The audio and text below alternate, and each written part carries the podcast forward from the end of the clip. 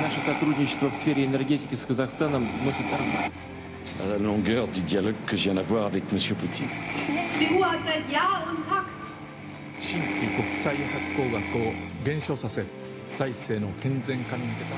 Símbolo del fascismo en Sudamérica. मगर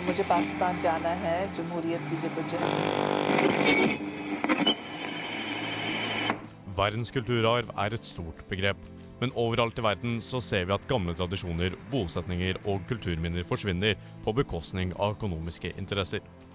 Dette er tema for dagens sending, og vi kommer til å gå i dybden for, for å forstå hvorfor dette skjer. Med meg i studio eh, er Lea Sofie Westad og Helene Knag.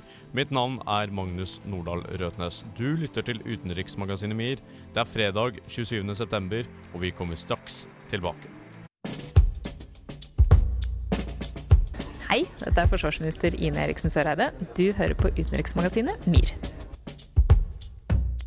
Helene, verdenskulturarv er jo et veldig bredt begrep. Kan du snevre det litt inn for oss? Ja, eh, kulturarv er jo veldig mye. Du har eh, både den eh, materielle kulturarven fra bygninger, altså arkitektur, kunst, skulpturer osv. Og så har du den litt mer abstrakte med tradisjoner og språk og historier eh, som blir eh, fortalt eh, gjennom eh, generasjonene.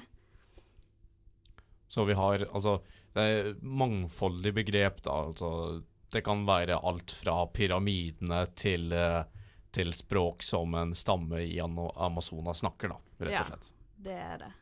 Men Lea, det er jo Vi, vi ser jo nå til tider eh, at disse eh, verdensarvene blir eh, satt på sidelinjen. At de blir ikke sett på som like viktige som de en gang har blitt, og blir offer for økonomiske interesser, rett og slett. Kan du gå litt inn på akkurat det? Det kan jeg, for eh, det er jo eh, sånn at eh, mange mm, verdensledere kanskje ikke ser like stor verdi i eh, historiske steder eller um, monumenter. Og det er jo ikke bare verdensledere, men kanskje også uh, Det har jo vært eksempler at uh, Taliban og lignende har uh, ødelagt viktige mon monumenter, som Buddha-statuen. Eh, Ja, i Afghanistan. Ikke sant. og sant. det var jo av mer uh, religiøs ideologi, ikke Ja, sant? ikke For det er jo buddha-buddhisme, uh, mens Taliban vil jo ha et uh, teokrati i eh, Afghanistan. Ja, så det er altså Poenget er at det er flere ting som truer verdensarven, da.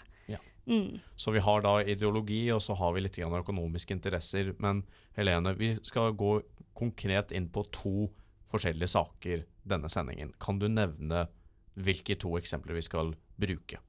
Ja, vi skal eh, jo da eh, snakke litt om eh, den Keystone XL, som er den delen av eh, Keystone Pipeline i USA som var veldig kontroversiell, eh, og eh, hvor eh, de da ville legge en en pipeline gjennom USA der, som går over områder til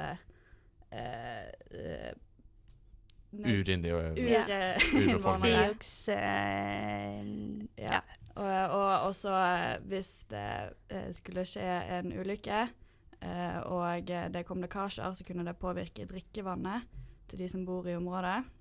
Og så skal vi også gå inn på det som eh, er den største saken i dag, altså byen Hasankiev i Tyrkia, som eh, nå holder på å bli eh, lagt under vann fordi de skal eh, bygge en demning, eller har bygget en demning, som de skal bruke for å utvinne vannkraft.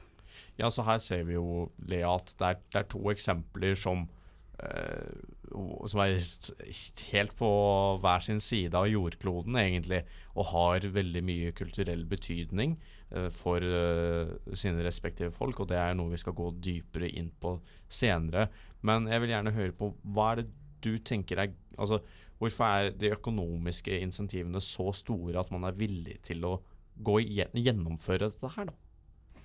Nei, jeg tenker jo da at eh, når eh, land som Tyrkia da eh, ser at de kan tjene Hvor mange milliarder er det på dette her prosjektet, da? Det er snakk om 412 millioner dollar de kan tjene på denne demningen.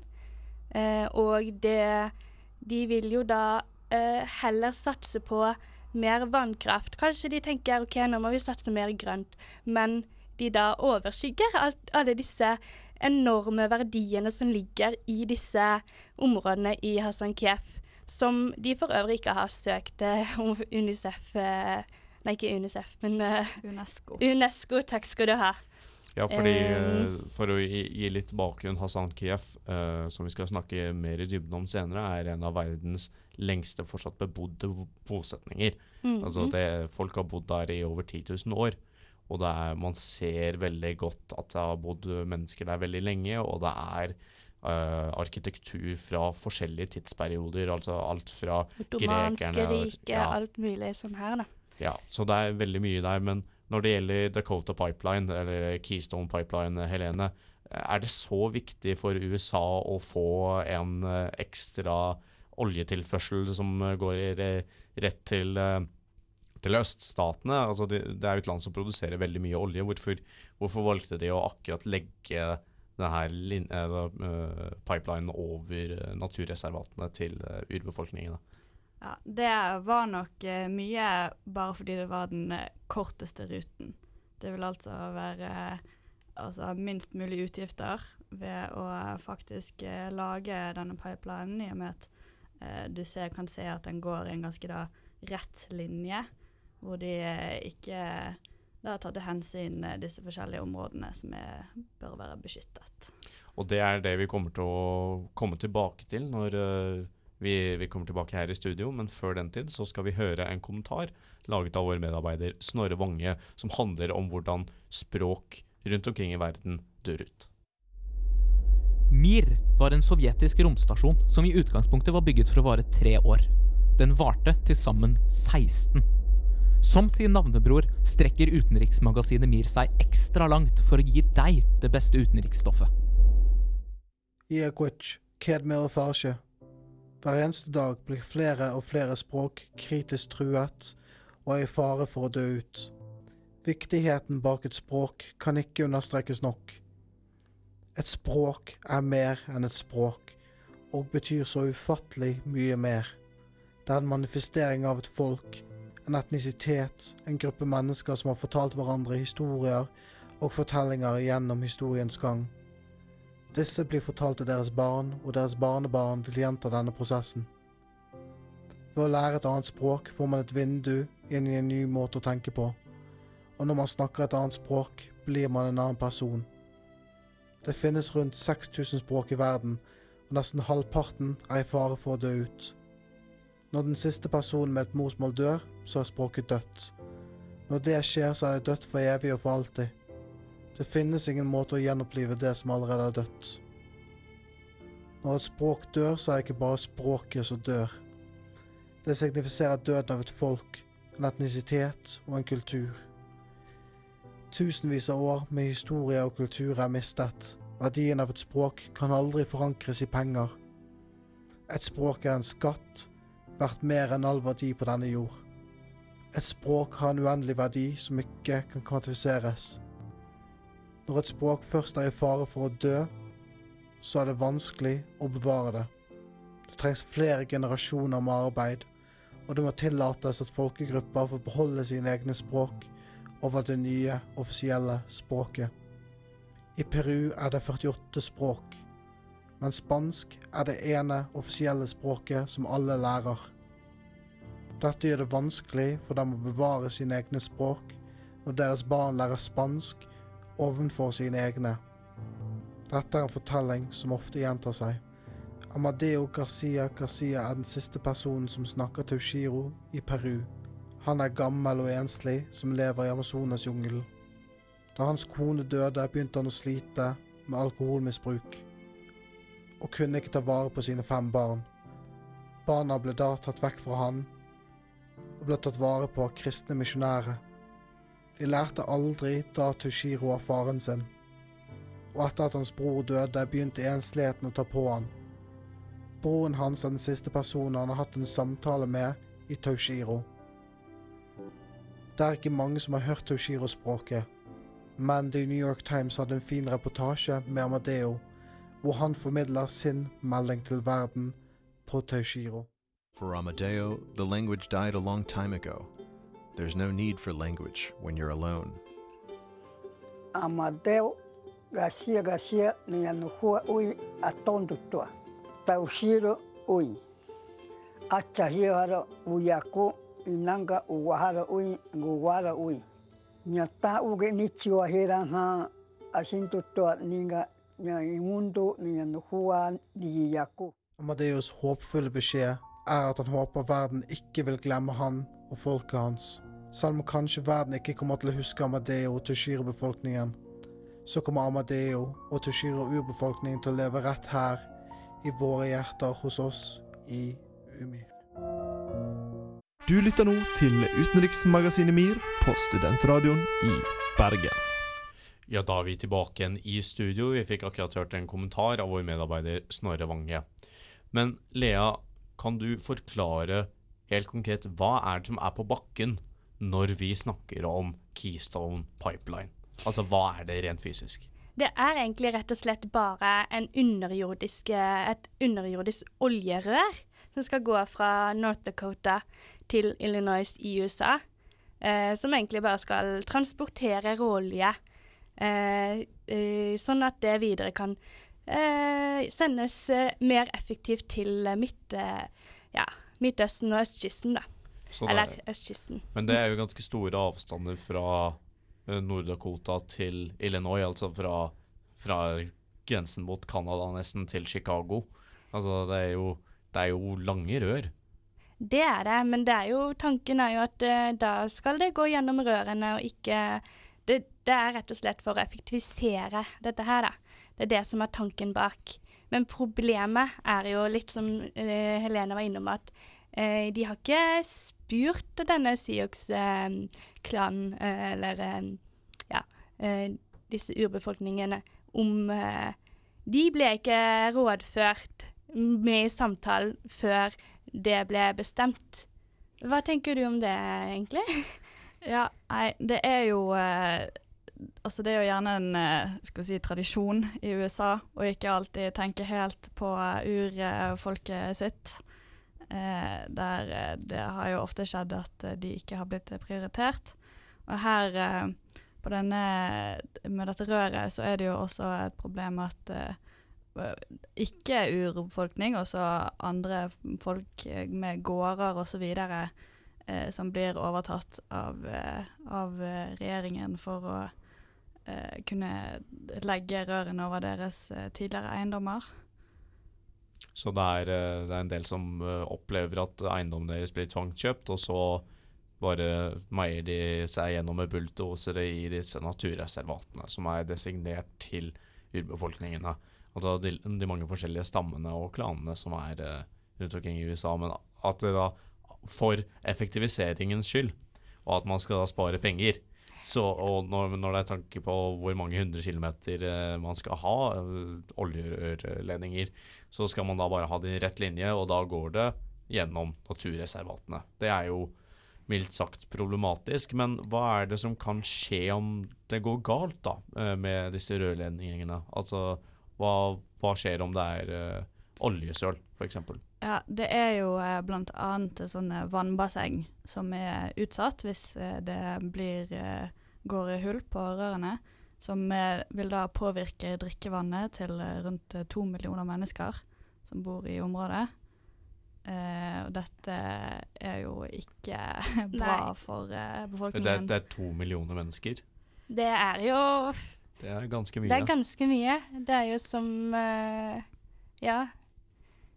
Altså om, om hele vannkilden til Østlandet f.eks.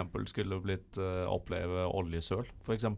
Altså Ja. at det er to millioner mennesker er jo ganske mye. eh, og det må jo sies at USA har jo hatt eh, sine kontroverser med pålitelig vann tidligere. Altså mange husker nå vel kanskje Flint-skandalen, og at det eksisterte så mye klor i og andre Eller det er nå hele mangelen på klor Og at det var mange Mm. eh, skumle bakterier i det drikkevannet som gjorde at det ikke var mulig å drikke. Ja. Og at en stor by på eh, mange tusen ikke hadde pålitelig eh, vanntilførsel. Og om det skulle da skje med to millioner mennesker, så hadde jo det vært en katastrofe. Jeg syns jo det egentlig virker helt eh, ansvarsløst å bare gå ut ifra at ting kommer til å gå bra, når det er snakk om drikkevannskilden til to millioner, da. Eh, og jeg vet ikke om de har en plan B for hvordan ting skal gjøres. Eh, det håper jeg jo, da, for deres del. Det, det virker jo heller ikke som at den her oljerørledningen er avgjørende for USAs økonomi. Det må sies at her er det jo bare ting å tjene på, ikke snakk om eh, økonomisk overlevelse, og heller ikke for delstatene som er involvert. Her er det jo også en del av eh, problemene, kanskje, at eh, den rørledningen vil være eid av TransCanada, altså et kanadisk selskap. Noe som også nok er problematisk for folk. At eh, et kanadisk selskap kan gå inn og eh, få eh, røret lagt inn over eh, de amerikanske eh, eiendommer. Ja, for det er litt interessant. Jeg vil bare avrunde med å si at eh, de har jo hatt samme problemene i Canada, i delstaten eh, Alberta. Eh, så har det jo Det var jo der mange av disse rørledningene begynte. For det var jo snakk om å liksom lage et virkelig stort nettverk, og så skulle man ha rørledninger fra Alberta til Vancouver. Og da gikk det gjennom det samme, og da skulle det over naturreservat. Men uh, statsminister Justin Trudeau i eh, Canada har jo fått mye mer pepper for dette her enn det f.eks. Obama eller uh, Donald Trump har fått uh, tilsvarende i USA. Men vi skal gå mer i dybden på dette når vi skal diskutere dette på slutten av sendingen. Men før den tid så skal vi høre et intervju gjort av vår medarbeider Ivar med en doktorgradsstipendiat her fra universitetet, Peter Hatlebekk, som skal gå litt dypere inn på hva Hassan Kiev egentlig er. Har du selv hatt samtale med Meshal? Nei. Kan vi ikke ta eh, opp opptaket på dette eh, på ny? Hvis du heller ikke fikk med deg alle spørsmål, kan du høre alle våre sendinger på iTunes og srib.no.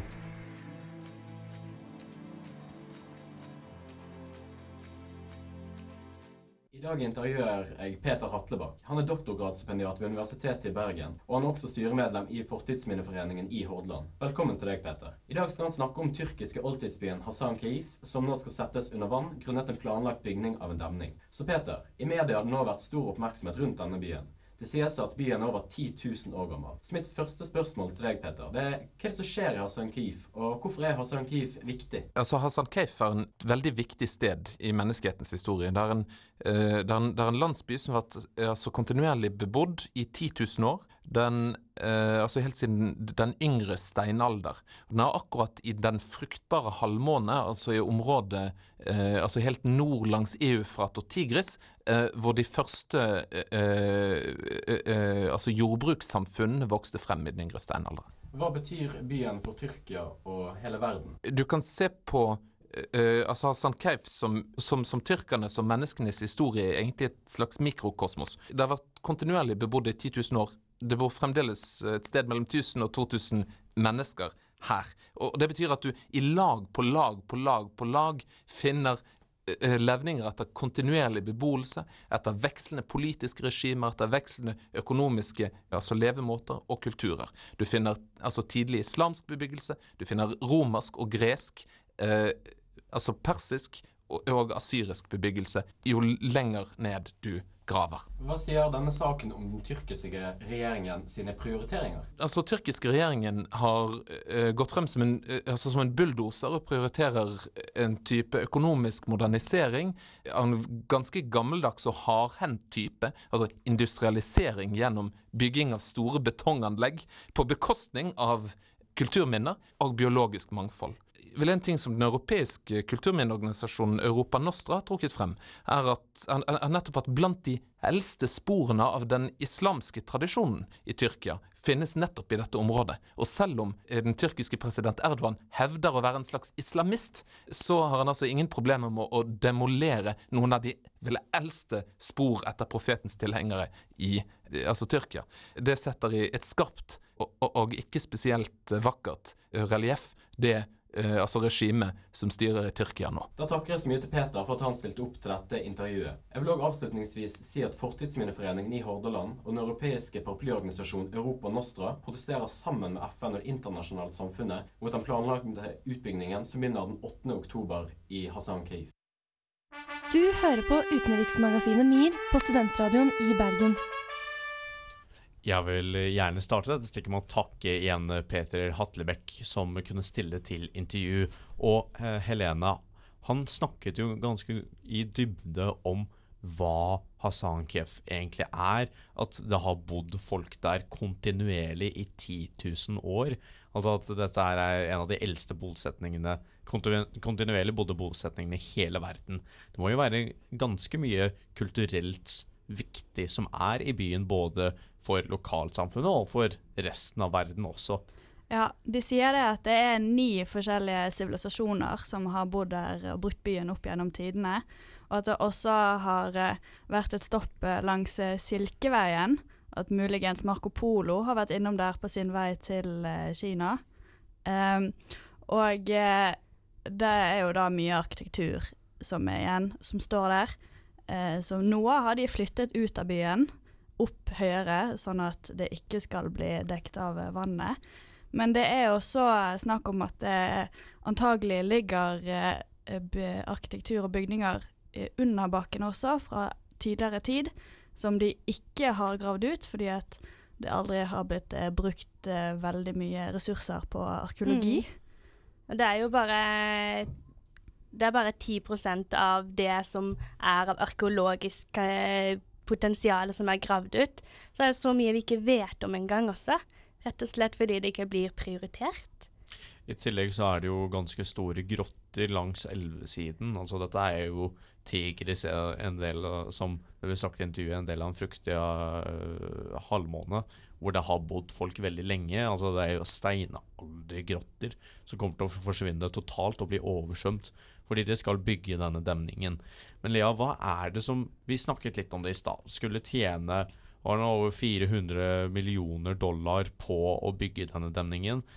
Men altså, er det virkelig så viktig for Tyrkia å gjøre det, og kunne kaste ut Var det nå vi hadde sett 55 000 mennesker? Ja, om ikke mer også. Det, det, kan godt være. Men det er jo snakk om at eh, demningen skal eh, eh gi en eh, eh, strømforsyning på 2 for, for Tyrkias befolkning. så 2 er jo ikke For meg så høres ikke det så veldig mye ut, men uh, tanken er iallfall da at nå kan folk få bedre strøm, og vannkraft er bra. Det er jo det som da er tanken, da. Men samtidig, de kunne jo også Jeg tenker jo de kunne heller satset på eh, mer turisme i Hasankiev. eller ja, en sånn, åp sånn åpen museumaktig tjent masse på det framfor da, eh, denne demningen som eh, blir eh, ja, ødeleggende. For noe av problemet nå er at eh, Hasikev kunne vært en større turistby. Det er jo verdenshistorie det er snakk om. Det er ikke kun viktig for Tyrkia, mm. men det er viktig for hele verden. Eh, men nå ødelegger de jo da eh, grunnlaget for turisme eh, i området, ettersom de oversvømmer så mye av eh, sånn som det har sett ut til nå. Mm. Og eh, Ja, det er jo, som vi har nevnt, masse huler og eh, skrift også, fra alt fra arabisk til eh, Ja, og ikke, så ikke bare i skulpturer og, og, grotter, men også rundt det språklige. da. Men Helene, du har jo også sett på hva den tyrkiske regjeringen sine offisielle sider sier om prosjektet. Det er litt spennende. Og, og det, altså, de kan jo ikke akkurat regnes som en pålitelig kilde her, men blant annet på grunn av at de som bor i denne byen, er jo for det meste kurdere. Og det har jo lenge vært en konflikt mellom den kurdiske befolkningen i Tyrkia og den tyrkiske regjeringen. Så hva var det egentlig det sto på Tyrkia eh, sin regjeringsnettside? Det Tyrkia mener, er at eh, denne vannkraften vil eh, bidra til å styrke den sørøstlige Tyrkia, der det hovedsakelig kurdere som bor, eh, ved å gi arbeidsplasser og billigere strøm og gjøre det lettere å bo der. Eh, men noe av problemet er jo også at så mange folk blir eh, eh, eh, forflyttet.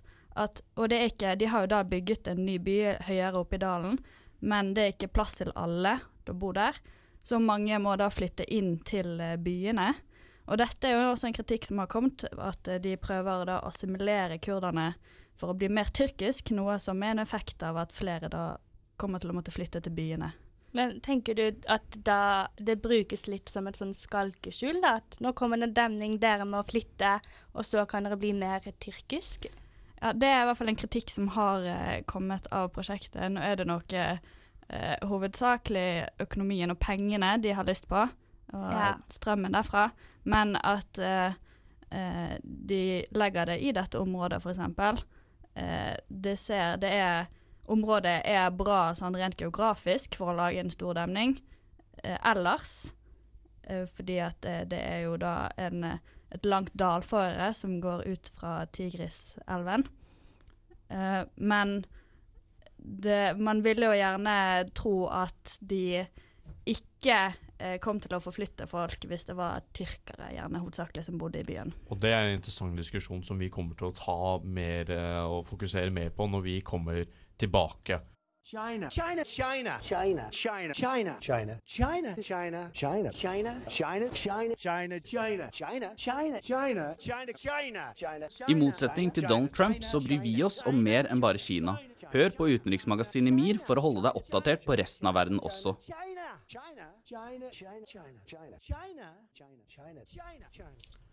Nå er vi tilbake igjen i studio, og vi skal diskutere litt, grann, uh, Lea og Helene, om det er slik at kultur og økonomi alltid kommer til å være i konflikt med, med hverandre, eller om det er en som alltid trumfer den andre når en konflikt oppstår. Og Lea, nå har vi jo snakket om både Keystone Pipeline, vi har snakket om uh, Hassan Kiev, og det er jo to veldig tydelige eksempler på økonomiske interesser som går foran å skape problemer. Er det slik at eh, det er en selvfølge at de økonomiske interessene kommer for å trumfe i begge konfliktene? Jeg tenker ikke nødvendigvis eh, det. Eh, for det har jo Eller for så vidt kan man jo eh, argumentere mot siden disse demonstrantene som er i Hassan Kiev, som eh, kjemper imot denne bygningen, eller byggingen av demningen, de blir jo bare slått hardt ned på av eh, tyrkisk politi. Eh, men samtidig så er det jo Det er jo eh, voldsomt eh, ikke press fra, fra utenlandshold, men det er jo fokus på det. Så ehm, I Hassan blant annet med den Elisu-demningen, som den demningen heter, da, der eh, var det i utgangspunktet lovet eh, økonomisk eh, eh, hjelp fra, fra Tyskland og Sveits og Østerrike, annet, fra banker der. Mm. Men eh, som da trakk sin støtte til demningen etter det var eh, kom såpass mye motstand mot demningen, da. Så da Tyrkia bestemte seg for å finansiere hele demningen selv. Så, ikke bare, så de går igjennom med det, selv om de da effektivt møter kritikk fra verdensbas på verdensbasis. Altså at de, de velger å fortsette å gjennomføre dette her. Og det var innen 8. oktober Ja. eh, at folk måtte ha flyttet ut da er det, og det er rett og slett tvangsflytting det er snakk om her, ja. Ja. Og så her ser vi jo at det, det skal jo kreve blir jo krevd veldig mye eh, av befolkningen, men de krever jo veldig mye av regjeringen også. Men har dere noen tro på at her kan eh, regjeringen bare slutte? Altså de sier nei, OK, vi forstår hva dere mener, vi, vi trekker oss tilbake. Eh, jeg tenker jo at dette også handler om hvor, litt hvordan Tyrkia er som land.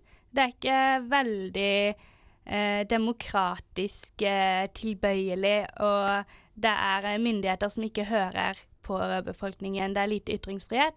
Så det er jo et dårlig utgangspunkt i seg selv.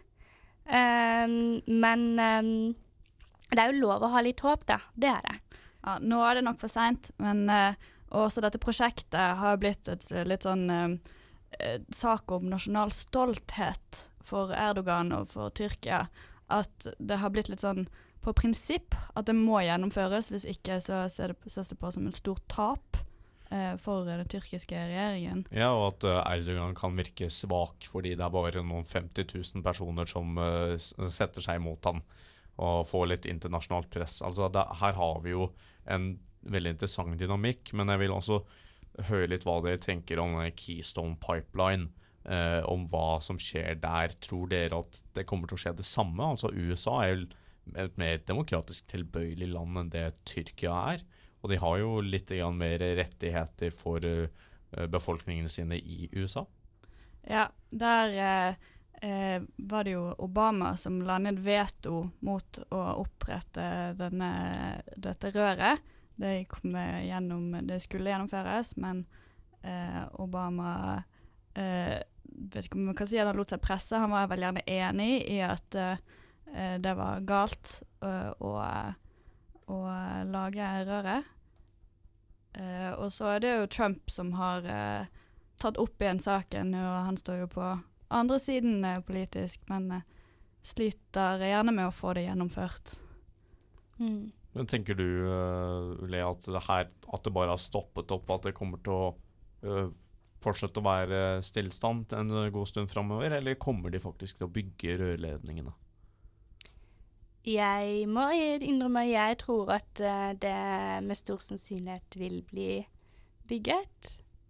For uh, USA vil være minst mulig avhengig av uh, andre for å fylle opp sin energi og økonomiske vinning, da. Så her ser vi at det også er et altså utenriksperspektiv eh, inn i bildet, altså egen oljeforsyning, som er viktig for USA.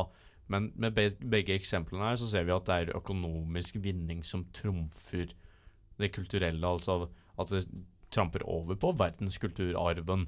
Men tenker dere at det alltid er slikt, altså for å avrunde diskusjonen, eller eh, er det noen ganger at man faktisk vinner fram med kulturen?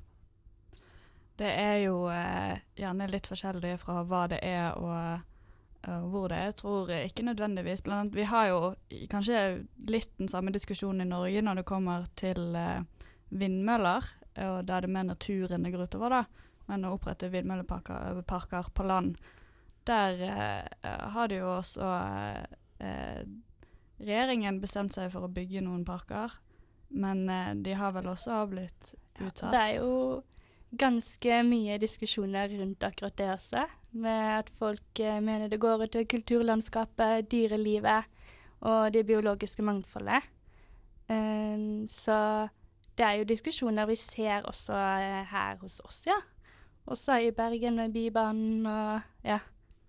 Det er dessverre alt vi hadde for denne gang. Når vi kommer tilbake, så skal vi avrunde dagens sending. Så du kan mye om norsk politikk? Hva med Saudi-Arabia? Hva med UAE? Hva med Kuwait? Hva med uh, hele Latin-Amerika? Hva med hele Sør-Amerika? Hva med hele Asia? Hva med Japan? Hva med Kina? Hva med Russland? Hør på utenriksmagasinet MIR og få med deg hva som skjer i resten av verden også. Ja, Da har vi kommet til veis ende for dagens sending. Jeg vil gjerne takke dere som har vært med meg i studio, Lea Sofie Westad og Helene Knag. I dag har vi fått høre en kommentar laget av vår medarbeider Snorre, og et intervju gjort av vår medarbeider Ivar med Peter Hatlebekk. Så tusen takk for at dere kunne komme. I dag så har vi snakket om verdens kulturarv, og mer konkret om Keystone-rørene uh, uh, i USA og Hasan Kiev, oldtidsbyen som holder på å bli oversvømt i Tyrkia. Dere må gjerne følge oss på Instagram og Facebook. Dere kan laste podkastene våre ned på eh, srib.no eller Spotify og iTunes. Vi kommer tilbake neste uke. Vi sees da.